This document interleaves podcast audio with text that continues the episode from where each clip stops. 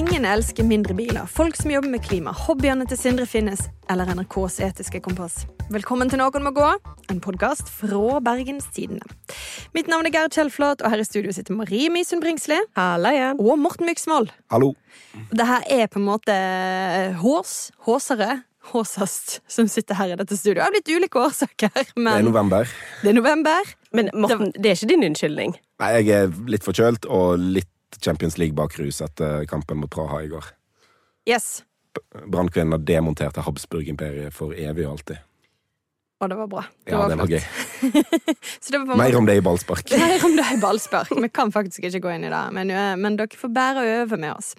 I denne episoden så skal vi jo altså da, vi skal innom bergenspolitikken, vi skal ha en liten eh, hobbyverkstad, får vi si, eh, og vi skal selvsagt snakke om ukas store snakkes, nemlig NRKs etikkskandale Bamsegutt. Men eh, først må vi si at dette er jo en åpen episode, så velkommen til våre mer eh, sporadiske og åpne lyttere. Eh, Tenk å være en sporadisk lytter. ja, de må gjerne bli mer faste lytter, men de kan jo få med få informasjon om at vi skal ha juleshow! Jippi. 19. desember, og vi har slått på så enormt på stortromma og eh, skaffa oss Ole Bull scene. Den store. Altså, det er vel eh, det, Jeg tror ikke vi Altså, Da er det Grieghallen neste i Bergen, på en måte. Ko vi, Poengen. Det blir garantert julestemning, og dette er en sånn Kristine Meyer-garanti. eh, Så den nei, står jeg for. den står det for. Jeg, jeg tror det blir julestemning. Vet ikke hva, folkens? Vi har solgt nesten halve salen. Eller jo, vi har solgt halve salen! Altså, Billettene rives vekk. Det er jo helt uh, vanvittig gøy. Det er absurd. Eh, sånn at eh, det, det er bare veldig kjekt. Og en del av programmet vårt er klart. Og jeg kan eh, vel på en måte mer garantere for at det blir uortodoks i NMG-sammenheng, dette showet. Ja. Veldig spennende. Så vil du også være med, så finner du informasjon på Facebook-sida vår eller hos bt.no slash inviterer. 19. desember er i hvert fall datoen. Kan bare nevne det. Men la oss gå i gang med episoden, da. Ja, Nå var det nok egenreklame Ja. her. Jeg tenker jeg liksom må dra det tilbake igjen til eh, politikken og kritikken. Du er altfor happy start på denne episoden her. eh, Bra vi skal snakke om bystyret nå, da. Ja, for nå, altså I går var det jo det første Kan vi si det første ordinære bystyret Ja. etter valget? Ja. Kan vi kalle det det? Ja. Og en av de tingene som eh, ble tatt opp, det var den nye byrådsplattformen som vi har diskutert her før. På lag med Bergen, heter den. Mhm. Vi har jo kritisert den Ja, vi var, vi var ganske streng med den, eh, vil jeg si. Vi er streng med det meste. Jens hadde en rant om hvor dårlig den- språket var. Ja, Ja. blant annet. Og, men opposisjonen de vil jo òg kritisere. Ja. Så vi kan jo høre hva SV-politiker Mikkel Gryner sa om den her. Og litt svada må man jo tåle i politisk eh, kommunikasjon. Jeg syns likevel denne teksten stiller i en egen liga. Det mangler en kjerne her. Dette er så sjelløst at det kunne vært generert av kunstig intelligens. Skriv en politisk plattform, ChatGPT. Så det er i tomrommet mellom linjene at vi må lette etter svarene. For de som ikke forstår dansk, da, så sier han eh, at eh, det er så er så sjeleløst skrevet at det kunne vært skrevet av kunstig intelligens. Ja. Stemmer det? Eh, altså, det jeg sa, hvis jeg ikke husker feil, det er at det var så dårlig at det iallfall ikke var skrevet av kunstig intelligens. For da hadde det vært mye bedre å lese. Eh, så det var min mening. Eh, men eh, det var ikke alle som syntes at Selv om vi hørte at det var noen i salen som lo litt der, så var ikke det alle som syntes at dette her var veldig morsomt. Eh, Ann Jorunn eh, Hillasøy fra IMP hun eh, gikk på talerstolen og svarte at eh, dette her ville hun ha seg frabedt. så sjelløst at det kunne blitt utarbeidet av kunstig intelligens, påfølgt av latter. Når det gjelder nulltoleranse for mobbing, så tenker jeg vi starter her. Jeg tror vi starter der mobbingen faktisk skjer. Jeg, jeg tror det er en god løsning på det. Altså I skolegårder, i, liksom, ute i samfunnet der det skjer på ekte. Åh, jeg tenker det skal bli fire lange år for Ann Jorunn Hillersøy hvis dette her er mobbing.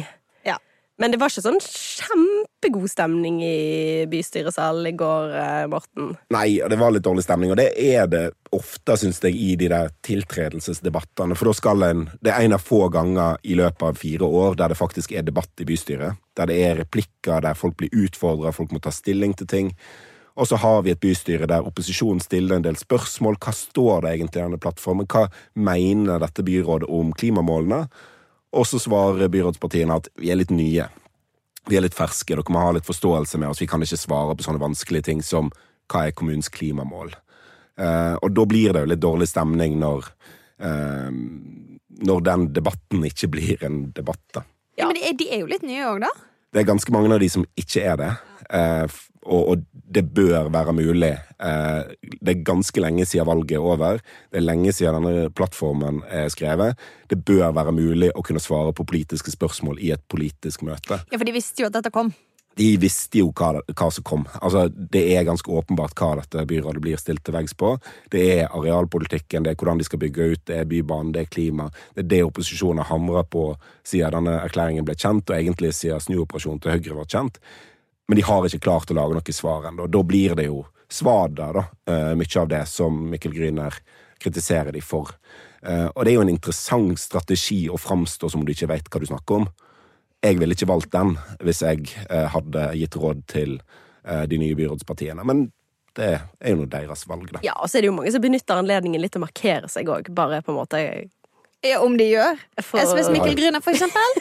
Altså, men, men at han er mm, litt eh, En liten frekkas, som Litt det. Erna Solberg kalte en annen SV-politiker en gang. Kan jo ikke overraske noen. Han er jo en pain frisk- in the ass. Det er jo hans, Han har bestemt seg for å være det. Liten friskus var det Erna Solberg sa om Heikki Ikke Holmås. frekkas. Mye det samme. Ja. Ja, men altså Mikkel Gryner er Det er hans rolle her i livet er å plage de som sitter ved makta. Så lenge han ikke sitter der sjøl.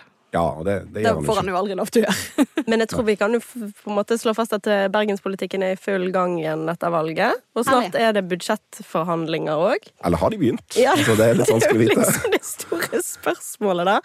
Fordi mandag så var Bergenslisten, INP og Pensjonistpartiet de var i møte med finansbyråd Eivind Evdal Bolstad fra Høyre. Og der presenterte de en eh, ganske omfattende kravliste, eller kuttliste. Ja, Ja, både kutt og. og krav. 152,9 millioner i, i kutt og 152,9 millioner i påplussinger. Men hva er det, er det noe som eh, Den fikk jo mye oppmerksomhet. Hva er det som eh, skiller seg ut her? Hva er det som fanger vår oppmerksomhet?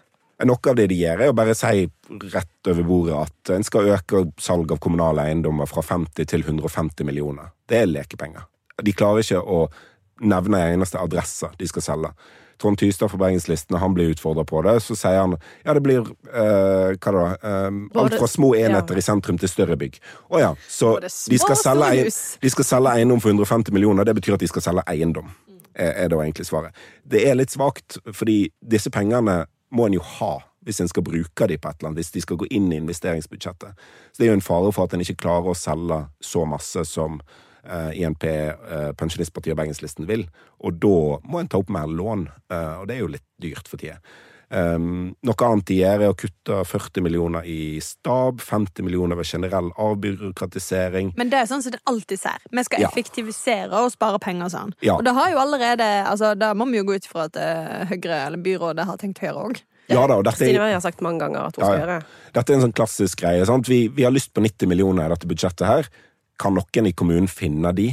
Sånn at vi slipper å finne de sjøl. Dette er latskapsbudsjettering som alle driver med. Det, dette er ikke nytt fra disse partiene. Dette har Høyre drevet med, dette har Arbeiderpartiet drevet med. De, de foreslår sju millioner i kutt til konsulentoppdrag. Klassisk sånn opposisjonsgreie å gjøre.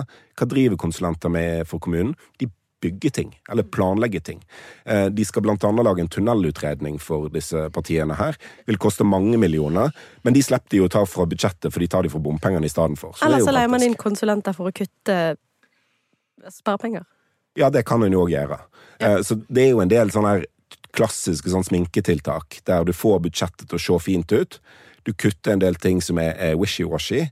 Eh, Du veit ikke helt om du får inn de pengene. Og så har du veldig konkrete påplussingslister, som er veldig lett å effektuere. Det er veldig lett å gi eh, en million eh, til eh, en frivillig organisasjon, f.eks. Det er veldig lett å øke noen små budsjettposter her og der. De pengene kan en garantere at blir brukt hvis disse tre partiene får gjennomslag for det. Men du kan ikke garantere at inndekningen kommer, og da blir det minus, da. Men disse tre støttepartiene de har jo allerede signert en samarbeidsavtale hvor det står at de forplikter seg til å stemme for samtlige av byrådets forslag til bybudsjett og reviderte budsjett i valgperioden. Ja, Det setter de jo inn i en interessant skvis, for Ja. de, de skal jo forhandle med byrådet. Det er jo åpenbart. Det sa Hillas og INP rett etter de signerte denne avtalen. Det sier Tystad for Bergenslisten òg. Det skal jo forhandles, så det er nok en måte, forståelse for at det byrådet kommer med, er ikke sånn som bare skal bankes gjennom. Det må forhandles om, sånn som det er vanlig å gjøre. Men det gjør jo at uh, INP, Bergenslisten og Pensjonistpartiet ikke uh, blir med på å hente ut 40 millioner fra et selskap som er lagt ned. Og de pengene er der, men Høyre har ikke lyst til å hente ut de pengene nå, ser det ut til. Eh, de vil ikke eh, INP, Bergenslisten og Pensjonistpartiet være med på, fordi de har låst seg til Høyre. Men hvor, men hvor sannsynlig er det at de, får inn noen av, um, av de nye kravene sine? Da? Altså, hvor, hvor mye har de liksom makt til å presse dem. Det er jeg veldig spent på, hvordan, eh, hvordan byråds, eller byrådet vil stille seg til det. For de har jo egentlig ikke noe makt bak kravene sine, gitt at de har signert på at de skal, eh, at de skal gå med på det uansett. Så det selvfølgelig vil du skape et veldig dårlig samarbeidsklima hvis de, hvis de ikke får eh, eh, noe igjennom. Men samtidig, det er, mm, jo òg en er klart at uh, disse samarbeidspartiene vil de bare ønske seg mer og mer. Det her er jo en dynamikk. Altså, hvorfor skulle de De har jo allerede fått uh, sitt ene og største ønske oppfylt, altså en uh, tunnelutredning. Hvorfor i alle dager skulle de nøye seg med det? De må jo kreve mer. Ja. Sånn at dette Det blir en spennende dynamikk. Men jeg vil si at For å gå litt videre da på den her kutt- og kravlisten deres. Så er det eh, Jeg har hengt meg opp i eh, en profil, vil jeg si, på, eh, på det, de, det de krever. De vil legge ned eksempel Byarkitekten og Klimaetaten. De vil fjerne bilfrie bydeler, og så skal de bygge 300 nye Eller ikke bygge, altså legge til rette for 300 nye parkeringsplasser i sentrum. Det er mye. Ja, det er mye. Jeg skjønner ikke helt hvor det skal komme. eh, Langs veien. Ja, gateparkering. Eh, altså, og da må jeg bare si, det er fascinerende for meg alle protestparti ender til slutt opp med å være det samme protestpartiet. For la oss ta Bergenslisten, da, som er på en måte Mm, det er ikke noe tvil om at selv om de er vel omtrent like store som Industri- og Næringspartiet, men det er ikke noe tvil om hvem som både tar ledelsen i denne lille forsamlingen av, eh, av samarbeidspartier. Sant? Det er Bergenslistens Trond Tystad, som jo har en lang politisk erfaring. Han har vært byråd for Arbeiderpartiet tidligere, osv. Um, de var jo et parti som uh, startet som en ensaksliste som veldig sterkt ønsket seg bybane, men ikke uh, i dagen eh, langs Bryggen. De vil ha den i tunnel. Det var deres eneste sak. Deres viktigste sak. Som jo handler om byutvikling, og, og at men, men veldig klar på at jo, men det skal komme en bybane til Åsane. Mens nå står de i bresjen for et eller annet bil, bilgreier. Det blir sånn parkeringsplass. Uh, Ja, og antiklima. Og det er da ender vi alltid opp med at det handler om eh, Altså, klimagreiene er noe bullshit som vi ikke gidder å bruke noe energi på. Vi vil eh, kjøre mer bil, takk. Det, det er der det, det går uansett. Nå Det fins hatt- ett unntak. Okay. Byluftslisten, eh, som stilte til valg eh, var det i 2011, Ja. og kom inn i bystyret, Ja. de gikk ikke i den retningen Men det der. handlet jo likevel om bilkjøring, det òg, da. Det handler om det. Jo, det Så alle protestpartier koker ned til bil. Byutvikling er jo en, måte, en av de temaene der det fins et lokaldemokrati i Norge. Det er ikke veldig masse lokaldemokrati i skole, barnehage, eldreomsorg. Det er egentlig my veldig mye administrere eh, statlig politikk. Så det er ikke så rart at det er byutviklingspolitikken det virkelig er konflikter om, for der har en faktisk mer innflytelse. på Men hvorfor er det dette alle må være lov å si, for det er jo uh, er det dette alle voksne menn bryr seg om, på en måte? Asfalt. For det er jo veldig mye av det som er velgermassen til disse partiene, da. Ja. Um, Men vi ser jo og de politikerne de har også. Vi ser jo hvor disse partiene har velgere. Altså Bergenslisten er litt spesiell. De har en del velgere langs Bybanetraseen. Men ellers, Pensjonistpartiet og, og, og Industri- og Næringspartiet har velgere litt lenger unna sentrum. Og det, altså Lengre unna sentrum er mer bilkjøring enn i sentrum. Det er Bergen er en ganske stor kommune i, i utstrekning. Det er ikke sånn at folk som bor i eh, Laksevåg bydel eller Åsand bydel, nødvendigvis bor i en by.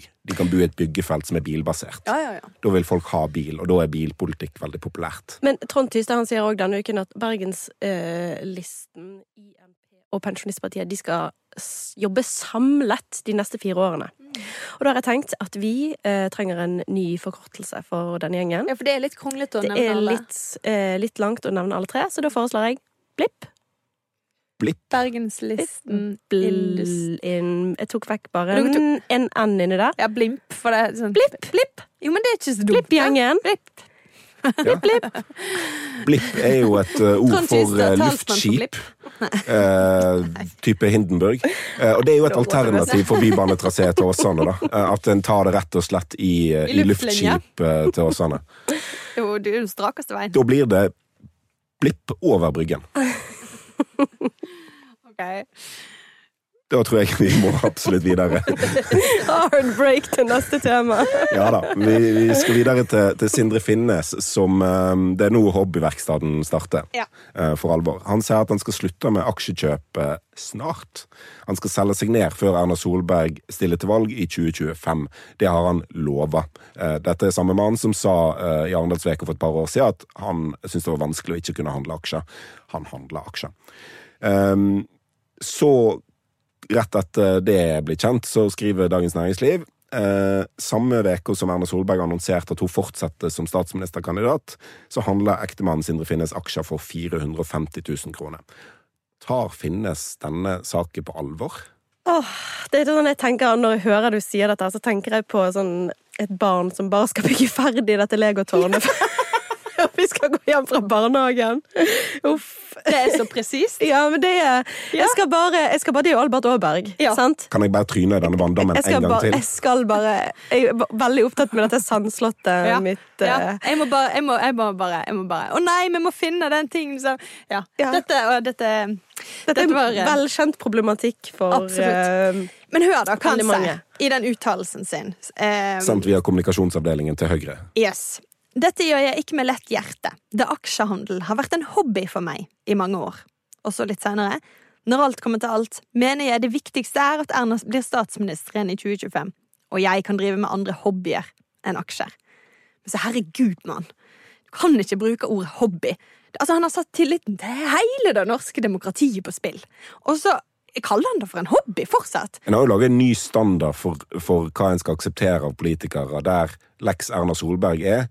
Så lenge du kan skylde på noen, så trenger ikke du ta uh, støyten for dine egne feil. Men altså, det, men det er helt absurd. Og det er absurd at han har sittet og trada mens diskusjonen om, om på en måte hva skjer med Erna Solberg, denne politikeren som hadde kanskje høgst tillit i hele eh, Norge, som nå blir revet ned, hva skjer med eh, tilliten til hele systemet, så sitter han fortsatt og daytrader. Altså, fortsatt å selge og kjøpe og selge og kjøpe for, for enorme verdier. Jeg forstår jo hvorfor Erna Solberg sitt, eh, etter hennes første forslag på hvordan hun skulle håndtere dette, var at noen i statsministerens kontor, eh, hvis hun ble statsminister igjen, skulle ha tilgang til eh, aksjekontoen hans for å kunne overvåke aktiviteten. Ja, men det var- handler jo om Hun sa òg at han skulle, hun har alltid sagt at han skal slutte, men de skulle Ja. sjekke at han ikke gjorde det. Ja, Og det, det høres Det virker jo som tillitsvekkende. Ja.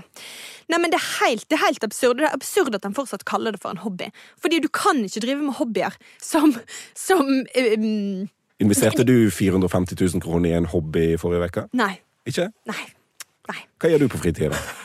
Vet du hva, Mange andre ting, og jeg har forslag. Jeg har forslag til hva han heller kan gjøre. Men jeg må bare si først vi må alle sammen avstå fra ting vi syns er gøy. Ting som kunne vært hobbyer. Altså, det livet. Jeg kunne bakt en kake og spist den hver dag, jeg sikkert. Men altså, vi må avstå fra det, for det er ikke så smart. Og det liksom, det har en negativ konsekvens. Men altså, det er helt jeg, Faktisk så vil jeg eh, sitere VG-kommentator Hans Petter Sjøli, som jeg eh, ofte vil si jeg er uenig med. Men han sa eh, 'hvor tonedøv går det an å være', eller noe sånt. Ja, mm, det er tonedøvt. Ja. Ja, rett og slett. Men altså, Og så er det sånn nå. Nå har Erna sagt at hun vil bli statsminister igjen, så nå får jeg gi meg. Altså, det er så det, det, igjen, vi må tilbake til det. Jeg, jeg står og sliter i den leiken vi som barnet vil ha. Det er litt sånn du, står, om du må rive de aksjeporteføljene ut av nevene. Fem minutter til, så skal jeg gå med på å legge meg. Men jeg bare få se litt mer barne-TV. Ja. En episode til med jeg skjønner Daniel ikke at han Tiger. ikke har tenkt over at alle en episode til med barne-TV. Alle eh, journalister som har fulgt denne saken, abonnerer jo selvfølgelig på den tjenesten som gjør at de kan eh, se hans aksjekjøp og salg. Ja, men han, mener, han mener jo virkelig intenst at han har lov til å gjøre det. Og, det Ja, har han, og han har jo lov til å Ja, gjøre det. hun er Eh, ikke statsminister lenger, videre. Det ser bare ikke bra ut. Det er jo det altså, som han har absolutt lov å handle aksjer nå, det er ikke et problem. Det bare viser at han kanskje ikke har tatt dette på alvor. Hvis du blir tatt på fersken for noe som har vært du, altså, djupt, djupt alvorlig, og, og det er liksom, snakk om at Økokrim skal etterfor Jeg tror bare jeg hadde holdt meg unna akkurat da. da. Bare Han roa litt. han har gjort Norges statsminister uvitende inhabil i oljeskattepakke, i eh, fi, ny finansskatt, eh, muligens under pandemien. Altså, det er alvorlige Mange saker, dette. saker, ja. Dette er ikke en hobby. Men du, det er veldig mange andre hobbyer han kan skaffe seg, da. Ja. Jeg vil, altså eh, jeg har masse også, Nå kan hun bare sitte og vente på at pengene får eh, jobbe seg oppover i aksjefond. Utrolig deilig. Masse tid frigjort. Puslespill syns jeg gir mye mindfulness. Altså, eh, ja, jeg har et, eh, et annet forslag som ligner litt, men som kanskje treffer han litt mer, og det er spille Monopol. Ja. Da må du ha noen spiller med, da. Så det, Ja, men han er Elden. ikke er jo det er masse god sånn sikkerhetsfolk rundt Kommer Erna bare til å hele shorte tiden. Ullevål Hageby. Nordhordlandsspillet har jeg hjemme som er en sånn monopolvariant. Der er det faktisk aksjekurser i. Der kan du trekke kort, og så blir eiendommene litt eh, Går de enten opp eller ned i verdi. Så kanskje jeg skal sende det til Sondre Finnes. En ting jeg gjorde, var å søke på ordet hobby i boken hans. da. Ja. Det er ikke nevnt en Han har skrevet boken. Ja, han har skrevet bok ved Ernas side. Eller bak Eh, hennes rygg, Han har som oppfølgeren kom til å hete. ja, han, eh, ja, nei, men han skriver ingenting om hobby, men han skriver at han liker veldig godt stolpejakt. Vet du hva det er? Ja, det er ja, ja, kult. og skanner disse greiene ute når man går på tur. Ja. Masse positive At- bieffekter. Ja, at han liker det, og at han liker det fordi det er liksom trening og sånn. Så det kan han jo egentlig bare fortsette med. Eh, så, Toppturer er jo litt sånn opp og ned. Sant? Så det- ja, det er ellers så kan han jo begynne med jakt. Ja. Alle som har sett bilder fra huset deres, vet at han liker våpen. Du skyter ikke dyr med de antikke våpnene som henger på veggen. Ja, men jeg tenker, kan det er jo ikke sikkert at han blir på en måte sånn veldig god jeger. Og det er jo veldig mange som bare går på jakt aldri skyter noe. Tipp det er liksom meg det- Tipp på meg treffer. 100 kroner. 100 kroner. 450 000 kroner. Adrenalin ser jo også ut til å være en driver her. Da tenker jeg ekstremsport. Det er bare kjør på! Altså, Ekstremsport. Vedder på når Bybanen til Åsane står ferdig. men altså, det er masse. Vil du fortsette å sitte på data? Lær deg koding. Kjempenyttig. Baking. Kjekt for alle rundt deg. Netflix. Eh, masse gode eh, og dårlige julefilmer. The Big Short. Lær et nytt språk. Eh, det er veldig bra for hjernen også. Eventuelt noe helt annet. Jeg tenkte han kunne få seg hund. Ja. Gå tur, komme seg ut, det er bra for helsen. Jeg tenker uansett, Vi har veldig lyst til å skrive saken om Sindre Finnes nye hobby. Så når det på en måte Hadde ikke det vært sykt koselig hvis de fikk seg en corgi, og det kunne liksom være altså sånn som dronningen, dronning Elisabeth eh, hadde? Eh, så kunne hun være med eh, på nyttårstalen hvis Erna blir eh, statsminister igjen. Så eh, holder hun liksom en corgi mens hun gir nyttårstalen. Hva skulle de fra- kalt den for? Bull? Eller bear? Noe sånt, ja. ja. Ok, Apropos bear, skulle jeg til å si. Eh, vi skal over til eh, Oi, oi, det var en vanskelig overgang. Ja, det blir det. Nei, men ukas eh, store, store, store snakkes er jo NRKs eh, etiske tramp i salaten, rett og slett, med serien Ingen elsker bamsegutt. Og onsdag så ble det klart at eh, NRK trekker denne serien til evig tid. Eh, et, vi får si, dramatisk grep, og vi skal høre kringkastingssjef eh, Vibeke Fyrst Haugen som grunngir dette. I denne serien utelot vi relevante opplysninger i saken. Det burde vi ikke gjort. Vi har gitt publikum et ufullstendig bilde og valgt bort andre historier som er like viktige. Konteksten rundt serien og familiens situasjon er endret siden serien ble publisert for en uke siden. Premissene for medvirkning er også endret. Deltakerne mangler vesentlig informasjon. Jeg er svært lei meg for at serien har blitt en belastning for den familien som er omtalt. Ok, Vi må ta det litt tilbake igjen til starten. Og bare som en eh, disclaimer, Jeg rakk aldri å se denne serien før den ble avpublisert. Ikke du heller, Morten? Nei, jeg rakk ikke det. Men du, Marie, heldigvis. Altså, jeg har sett den fordi at jeg har ligget hjemme med covid. Ja, Så det er en av de tingene som jeg eh, fikk eh, med meg på grunn av det. En av de store positivt. fordelene med pandemien, som nå har blitt avklassifisert. Ja. Men du, kan ikke du eh, kort oppsummere? Jo, altså, det er jo egentlig en uh, serie som uh, Altså, det skulle handle om Det skulle være systemkritikk. Det skulle handle om hvordan uh, de store institusjonene i Norge, som for eksempel Nav, behandler Altså hvordan det er f- å- for de som sitter nederst ved bordet, da, for å bruke den betegnelsen, eh, hvordan det egentlig er å forholde seg til disse store institusjonene. Hvor utrolig vanskelig det kan være å finne fram, og hvor mange som føler seg lurt og sviktet. Eh, og så begynner det med en ganske sånn håpløs situasjon. Det er en eh, norsk mann som eh, er på Filippinene og har vært der i mange år, eh, og kommer seg ikke hjem igjen til Norge, for han har ikke råd til flybilletten, for han får så lite i trygd. Uh, og så er det på en måte en sånn fortelling om at dette har skjedd fordi at han ble lurt av myndighetene uh, til å flytte til Filippinene. Men så viser det jo seg på en måte etter hvert i saken da, at han har fått dette rådet om å flytte um, fra en advokat, fordi at det har kommet en bekymringsmelding om denne mannen og familien hans. Han har et barn og en kone. Konen er fra Filippinene. Um, og at de derfor da valgte å flytte til Filippinene, og derfor mistet en del uh, trygdeytelser som man mister når man melder flytting fra Norge, rett og slett. Og så uh, har det jo uh, vært mye kritikk i ettertid, da. Ja. Og, og, men òg altså, Det første var jo egentlig at enormt mange ble veldig rørt over denne historien. For det er jo en, en, han har havnet i en ganske sånn tragisk, håpløs uh, situasjon. Og det er jo en viktig sak her. Det er jo en ja, viktig historie sak. å fortelle. Og så blir det jo til systemkritikk likevel, da. Men kanskje av NRK? Uh, ja. Det er jo det det egentlig ender opp med. Altså, det er på en måte Kritikken går langs to løp. Og La oss på en måte ta det, det som har vært mest diskutert først, som jo handler om at eh, det ble etter hvert kjent i ryktebørsen foran seg, sosiale medier, internett, at eh, denne mannen har en overgrepsdom på seg.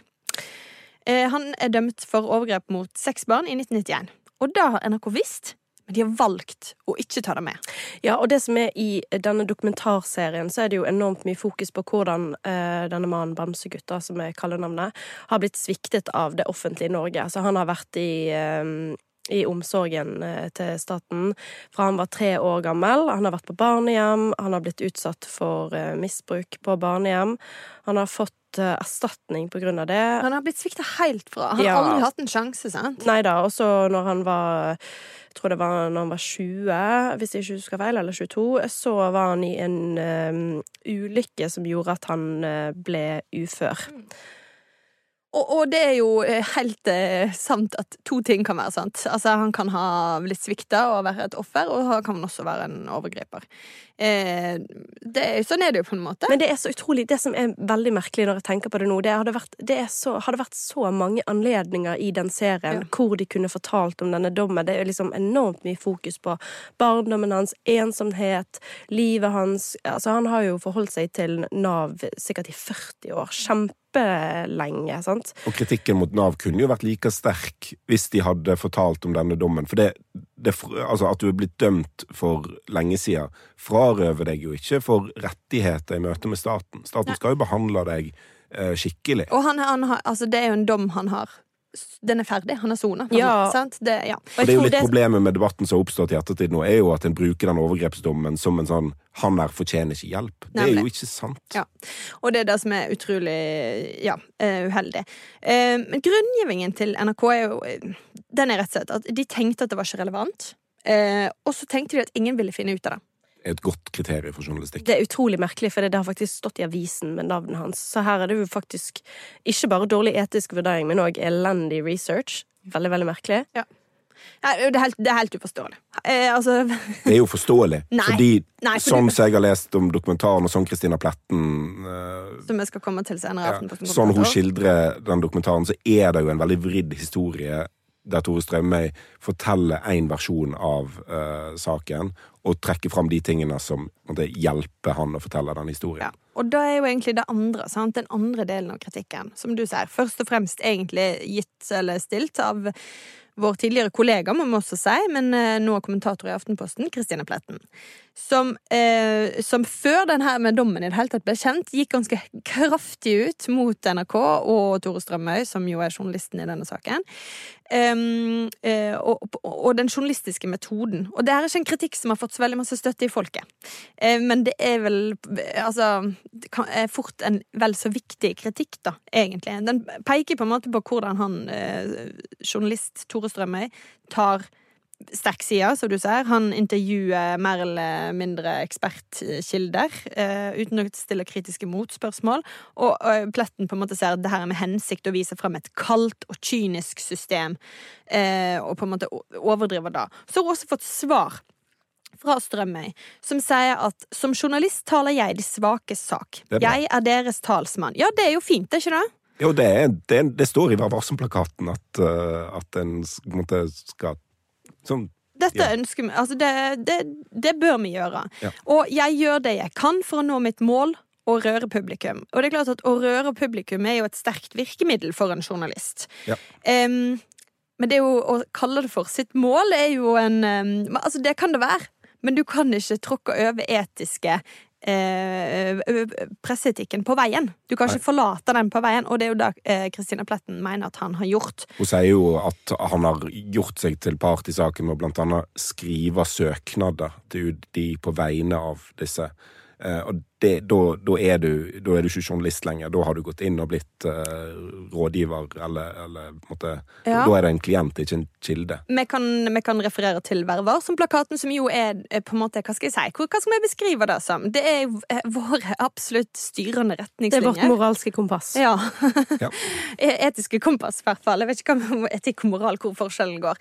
Men, men uh, det her forteller oss på en måte hvor grensene går for journalistikk. For hvordan vi skal drive journalistikk. Blant annet unngå dobbeltrolle. ja, eh, paragraf 2,2 eh, Nei, 2.2 Unngå dobbeltroller, verv, oppdrag eller bindinger som kan skape interessekonflikter eller føre til spekulasjoner om inhabilitet. Handler om at eh, journalistens eh, Vi skal være journalist, ikke noe annet. Og så er det, det er jo en interessant diskusjon, for her ser ikke alle journalister nødvendigvis helt likt på hvor grensene går. Og det er jo typisk med alle etiske retningslinjer at det er gråsoner. Eh, Den her aktivistiske formen for journalistikk. For på en måte så ønsker han jo også at journalistikken skal få en virkning, sant? men hvor går grensene for hvor langt du kan involvere deg? Og ja, jeg tilhører i hvert fall den skolen som er veldig ske- skeptisk til det, da. Ja. Eh, eh, og at det, der skal han ikke gå så langt inn i det hele tatt. Men eh, det er klart, her er jo diskusjoner. Det er det jo overalt. Eh, og så, handler det jo også om eh, vi, kan, vi kan trekke frem noen andre paragrafer her også. Eh, for det er sånn at eh, Du får jo rette meg, du som faktisk har sett denne serien, men det blir jo trukket fram hele veien at Bamsegutt er en person som ikke veit sitt eget beste. Ja, og jeg tror eh, på en måte det, det er jo veldig mye problematisk med hvordan Tore Strømme opptrer i den dokumentaren, altså hvilken stil han velger å gå for. Samtidig så tror jeg at det er det som gjør at det går eh, hjem hos, hos så mange folk. Ja, at det er derfor folk eh, kjenner så mye på denne serien, derfor de blir rørt. Fordi at han tar denne rollen som de svakes forsvarer opp mot liksom, grusomme Nav, grusomme barnevernet, grusomme staten Norge, som ikke er villig til å gjøre noe, da. Det er, det er den versjonen som vi ser i han Serien. han har jo et forsvar som på en måte går litt hjem hos mange òg, tror jeg. At han, presseetikken er litt sånn Han skriver ikke for at andre journalister skal applaudere han. Eh, og at han, han eh, jobber for å, å nå ut til folk. Sant? Eh, det er i hvert fall det han sier i sitt svar til til Pletten. Men presseetikken sitt mål er jo ikke at andre journalister skal bli imponert. Det er jo blant annet å beskytte kilder, sikre at sakene blir eh, godt laga. Altså, Altså, igjen, Vi kan gå til Vær varsom-plakaten. Opptre hensynsfullt i det journalistiske arbeidet, står det i paragraf 3-9. Misbruk ikke andres følelser, manglende medieerfaring, uvitenhet eller sviktende dømmekraft. Og hva betyr det? Det betyr jo at en god del mennesker som blir intervjua, har aldri blitt der før. Nei. De aner ikke konsekvensene av å stille opp og fortelle, og hvor går grensene for hva en bør fortelle eller ikke. Der skal vi som journalister, vi har ansvar for at det vi publiserer, det skal jo ikke være til skade for enkeltmennesker. Nei, og det er på en måte her er kjernen i hele kritikken mot serien. Fordi at hele serien altså, bygger jo på det premisset at han ikke er i stand til å stå opp mot Nav, da, eller forstå hva det er han sier ja til, for eksempel. Og så skal liksom store, sterke Tore Strømøy komme inn og hjelpe han eh, mot Nav. Men det som Tore Strømøy gjør da, det er at han gjør jo ganske mange etiske overtramp andre veien. Altså han mistenkeliggjør for eksempel en hel gjeng med personer som jobber i det offentlige. Altså han, han eh, En scene da som jeg reagerte veldig sterkt på, var, er for eksempel når han snakker om en bekymringsmelding som er 13 år gammel, som kom fra en eh, jordmor på en fødestue, som hadde hatt en voldsom konfrontasjon med denne personen Bamsegutt. Så eh, drar tilsynelatende Tore Strømøy eh, til dette sykehuset for å konfrontere Først så ringer han da og ber om å snakke om denne jordmoren direkte. Det er jo ikke sånn vi ville gått frem. Det kan jeg bare avkrefte med en gang. Eh, og så drar han til sykehuset og sier, og står utenfor der og sier at ja, jeg får ikke snakke med de, og de har tilbudt meg å snakke med en leder i neste uke, men det, det gidder jeg ikke. Det er ikke sånn at en programleder eh, har rett til å konfrontere en, en, helsearbeider som har sendt en bekymringsmelding. Det er jo ikke sånn det fungerer. Det vil jo Ja. Det er jo ikke bra. Denne bekymringsmeldingen har jo òg ført til at han har identifisert en da mindreårig gutt. Ja, men òg så, så ja, det er iallfall uh, veldig kritikkverdig. Også det som er, det ender med, er jo at denne personen Bamsegutt får lov til å sitte der og si at ja, men det den bekymringsmeldingen handlet om, det var at jeg var, ble sint fordi at uh, min kone fikk servert poteter på fødestuen, uh, men hun vil ha ris. Uh, og det er den versjonen som vi får høre i, ja, i dokumentaren. Det forstår stå uimotsagt. Det er jo kjempedrøyt. Og en annen ting som jeg reagerte på, det er jo Altså, Tore Strømme han reiser til Sandnes som er hjemstedet til denne personen som serien handler om, og intervjuer masse folk som kjente han i gamle dager, og blant annet snakker om foreldrene hans, da, som mistet foreldreretten for han veldig tidlig, når han var tre år. Blant annet eh, sitter han og snakker med sånne tidligere drosjesjåfører eh, i Sande som Bamsegutt har jobbet med, og snakker om at eh, moren hans, ja, hun var jo litt dum, hun var jo enkel, det må jo hun, nei, hun var ikke skikket som mor. Altså, bare sitter sånn, sladrer om familieforhold, enkel, og hvordan han var, ja, han vasket seg noe aldri. Altså, helt sånn sladdernivå, mm. som ikke er Det er virkelig ikke liksom, dokumentarmateriale NRK-verdig, altså. Det er på så lavt nivå. Så det syns jeg var ganske sjokkerende. Og så bare en tredje ting. Det er at Tore Strømøy han legger veldig ordene i munnen på Bamsegutt. Det går gjennom hele dokumentaren. Han stiller enormt ledende spørsmål, og det er helt åpenbart at han har på en måte en intensjon. Altså Han har en plan om hvor han vil denne dokumentaren skal gå, og det er jo en, en uting når man er journalist. Man skal jo være åpen. Man skal jo ikke stille ledende spørsmål, man skal stille åpne spørsmål. Mm.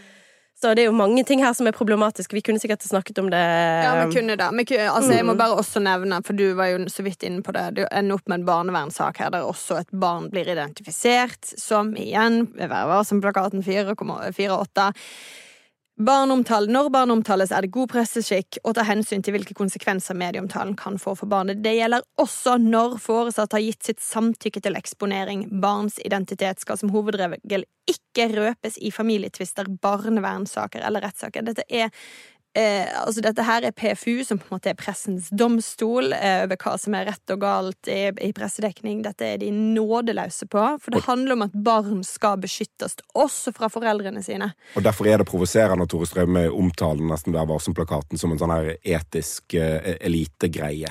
Det, ja. det, handler om å beskytte blant annet barn. Og så kommer vi jo tilbake til første punkt. altså Hvis han ikke forstår, eh, evner å forstå sin egen rolle i denne mediesaken, så er han jo iallfall ikke i stand til å gi samtykke for barnet sin rolle i denne denne saken. Og det her fins jo allerede ute på internett, så det er jo ikke et problem, selv om NRK nå har tatt ned serien.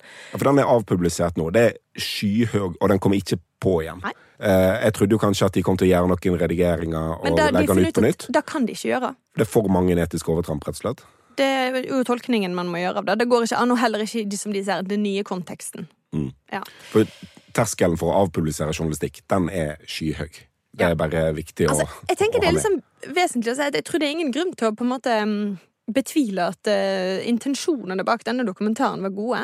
Uh, og Tore Strømøys intensjoner har vært gode, men, men resultatet blir jo likevel som det. Og de som kommer veldig tapende ut av dette, er jo uh, Bamsegutt og hans familie sjøl. Ja, absolutt. De er jo i en forferdelig situasjon, og det må vi jo bare kunne si. Og altså, NRK kan ikke være ferdig med denne saken nå. Eh, de har jo åpnet for at de eh, kanskje vil lage en oppfølger. Jeg håper de gjør det, fordi at her er det kjempemasse ting å rydde opp i. Nå er det enormt mye informasjon som spres på nett. Rykter, hets, kommentarer. Familiene sine navn er, finnes der ute. Og de har jo et ansvar for dette. Det er jo de som har stelt i stand dette rotet her, hvis vi Ja, kan kalle det det. Så de er jo faktisk nødt til å ta grep. Jeg håper veldig de lager en oppfølger og benytter anledningen til å gjøre det skikkelig og setter fokus på den problematikken som det var meningen at de skulle sette fokus på. Men NRK har et kjempestort ansvar i denne saken, der, så de kan absolutt ikke bare legge den fra seg.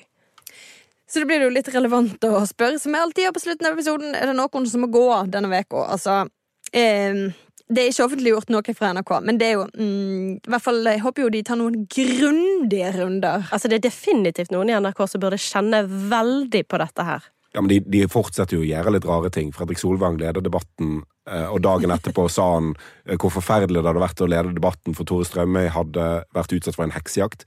Hvorfor leder han debatten, da, hvis han mente det? Det er jo bare nye sånne runder. Hører dere, Vi kunne satt av en helt spesial til denne eh, problematikken her. Ja. Den engasjerer. Det er ingenting som engasjerer som presseetikk. Noen må slutte å grave seg ned.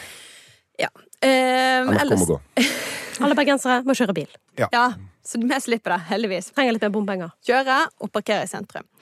Innspill og tilbakemeldinger de sender du til nmg.krøllalfabet.no eller i Facebook-gruppa vår Noen må gå der dere selvsagt også skal bli holdt oppdatert og frista til å gå på juleshow eh, løpende. Intromusikk var bergenser av Bjørn Torske, produsent er Henrik Spanvik. Vi er tilbake før dere aner det. Takk for at du hører på. Ha det godt! Ha det!